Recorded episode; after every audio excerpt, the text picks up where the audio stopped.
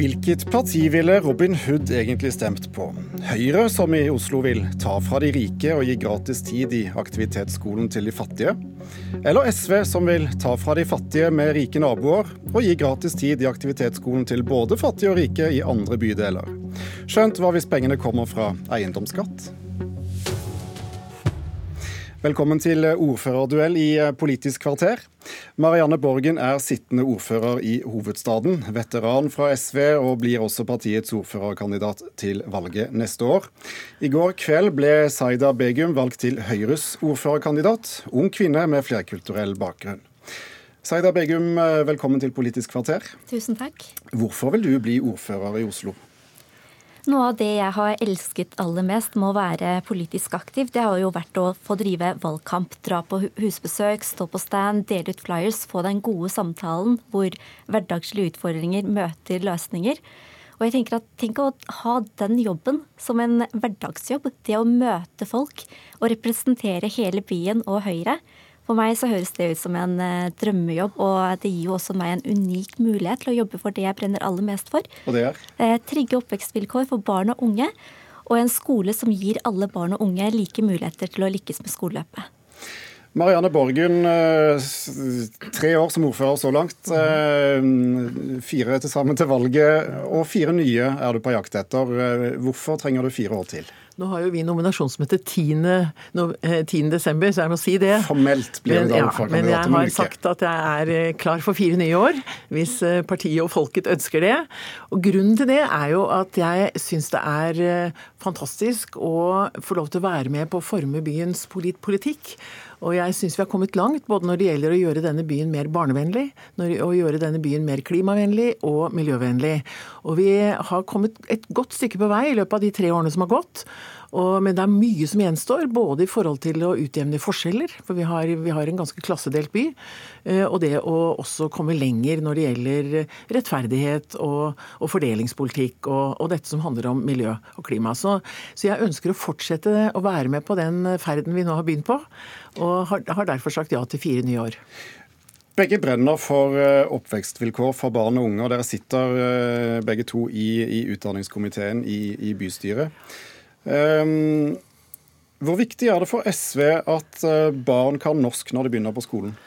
Det er selvfølgelig utrolig viktig. For i Oslo er jo en flerkulturell by med bar, mange barn som eh, i utgangspunktet kommer fra familier som kanskje ikke selv snakker norsk hjemme. Så det å kunne lære barna norsk før de begynner på skolen er utrolig viktig. For da vil de klare seg bedre når de begynner i første klasse. Derfor er vi så opptatt av at barn skal komme i barnehagen så tidlig som mulig. Og vi har en stor utfordring i Oslo ved at det er mange barn som ikke går i barnehage, eller begynner i barnehage veldig, veldig seint. Begum, hva vil Høyre gjøre for at eh, barn er gode i norsk eh, i seks-sjuårsalderen?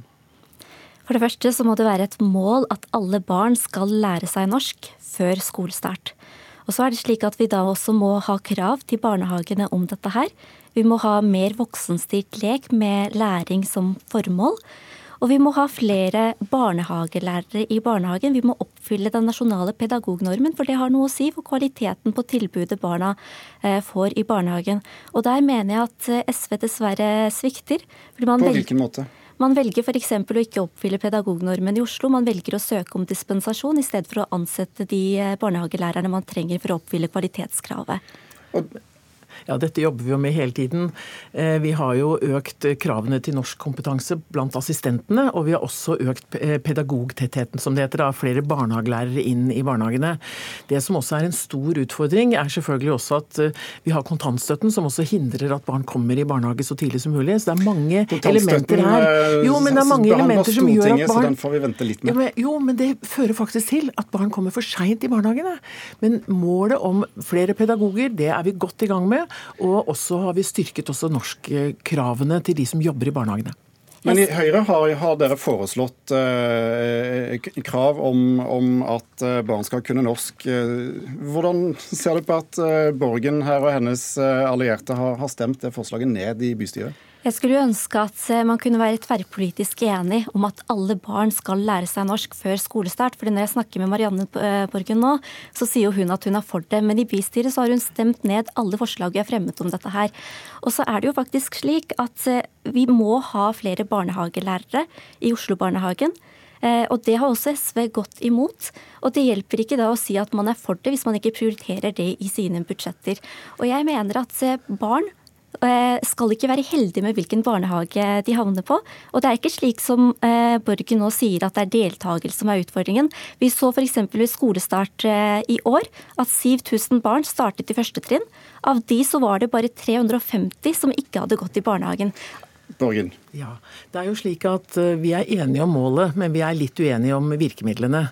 Eh, og Det som vi har vært veldig opptatt av, er at barnehagen skal være et sted for lek. Og leken skal stå i sentrum. Og gjennom å leke så lærer barn veldig mye. Eh, så vi har vært kritisk noe til denne målstyringen som, man ønsker å innføre, som Høyre ønsker å innføre i barnehagene, som man har litt i skolen.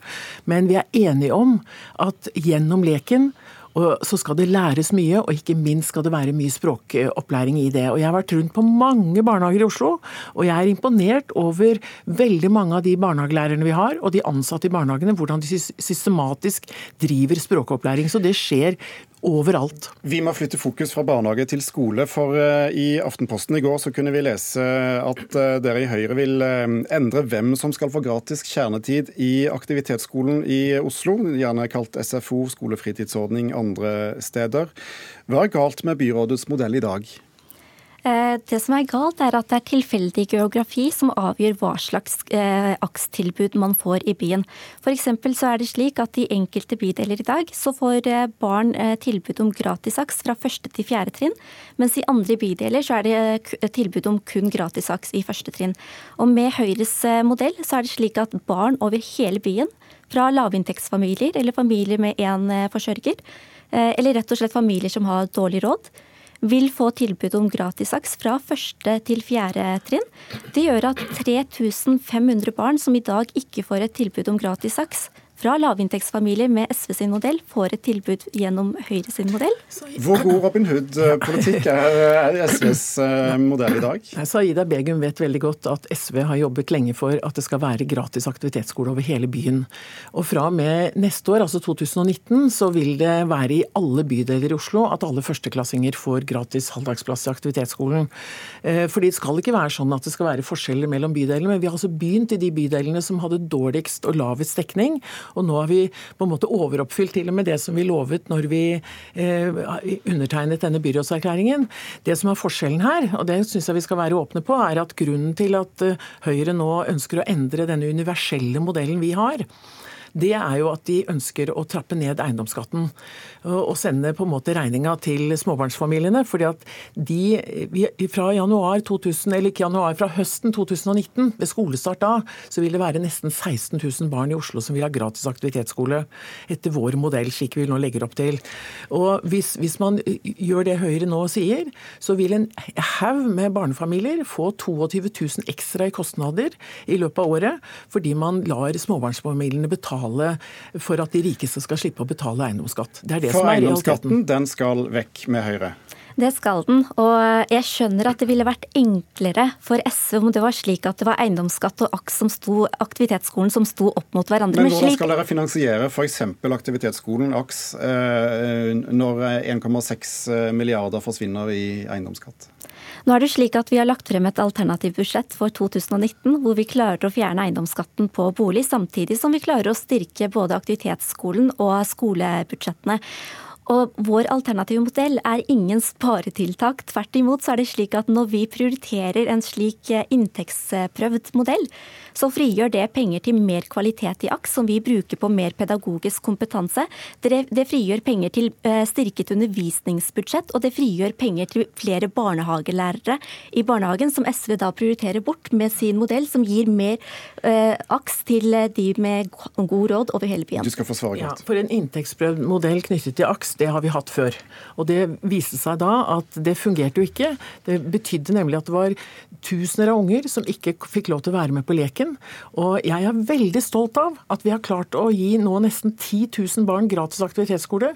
Det er en stor suksess. Ungene liker det, foreldrene elsker det, og lærerne og rektorene syns det er positivt også for læringen i skolen. Og Der må vi si takk til Marianne Borgen og Saida Begum, for vi skal snakke litt om Fremskrittspartiet også.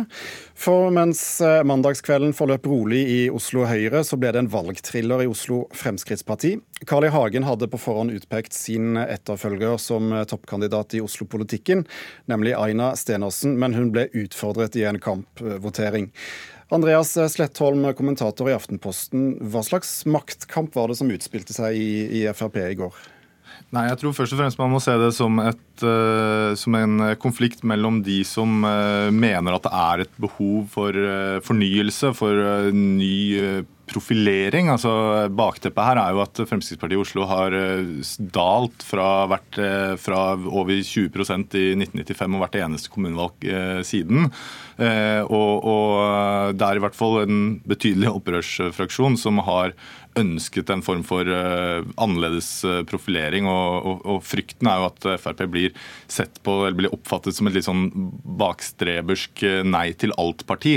Men det viste seg jo da at det var Carl I. Hagen og hans nominasjonskomités innstilling som, som, vant frem. Blir det da fortsatt et nei til alt-parti?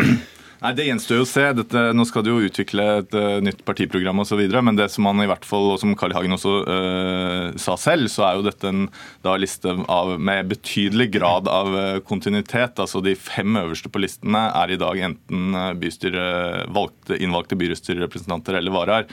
Sånn at, sånn at det, er i, det, er i, stor grad det samme mannskapet som han i hvert fall tropper opp med. Hvilken overføringsverdi har det som skjedde i Oslo Frp til, eh, til Frp nasjonalt?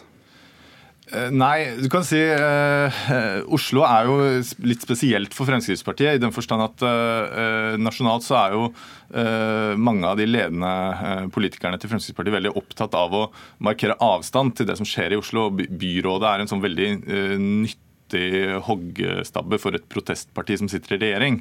Eh, sånn at eh, du kan si at eh, situasjonen i Oslo er jo kanskje ikke sånn Det er klart at det er en konflikt mellom Eh, de som eh, ønsker å hva skal si, liksom, altså Mellom liberalister og litt mer sånn eh, nasjonalkonservative er det vel et begrep som er blitt brukt. Det finnes jo helt åpenbart i Fremskrittspartiet, men jeg tror når det gjelder denne konflikten, så har det vært mer en sånn Eh, konflikter rundt hvordan man skal eh, profilere seg. Og Det som er, det som er spesielt også for Oslo, er jo at eh, demografien taler jo mot Fremskrittspartiet i Oslo. Altså, ja, På hvilken måte? Nei, altså Det er jo en by med, hvor over 30% av velgerne har minoritetsbakgrunn.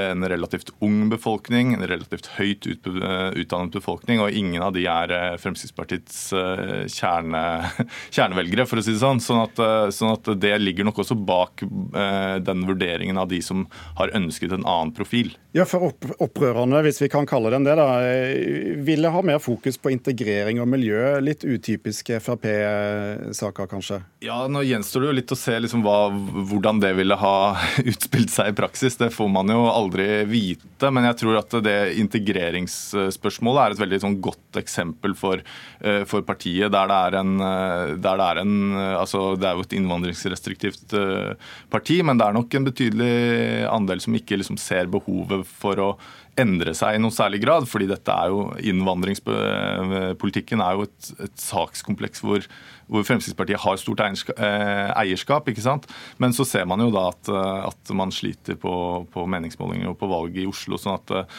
da er det kanskje behov for å i hvert fall få en litt mindre endimensjonal tilnærming til disse spørsmålene, eh, tror jeg mange i Fremskrittspartiet tenker. Og med bråket fra Frp i går og debatten du har hørt her mellom eh, ordførerkandidatene, mm, brygger det opp til et spennende valg i, i hovedstaden neste høst? Ja, Det må man vel kunne si at det gjør. og, og, og det virker jo på, Nå er det ikke så veldig ofte det eh, gjennomføres sånne Oslo-målinger, men eh, de har jo eh, virket å være veldig jevne nesten på, på alle målinger som har kommet etter, etter 2015. og det som, Men det er klart at Fremskrittspartiet er en nøkkel for borgerlig side. fordi Høyre har jo gjort det stort sett veldig bra på disse målingene, men allikevel så sliter liksom de borgerlige med å få flertall her. Sånn at Fremskrittspartiet tror jeg er nødt til å gjøre det bedre enn de 6 prosentene for, vinne, for at borgerlige skal vinne valget. Takk skal du ha, Andreas Slettholm fra Aftenposten. Og dermed var et politisk kvarter over. Eh, mitt navn er Thomas Salverstein Ove.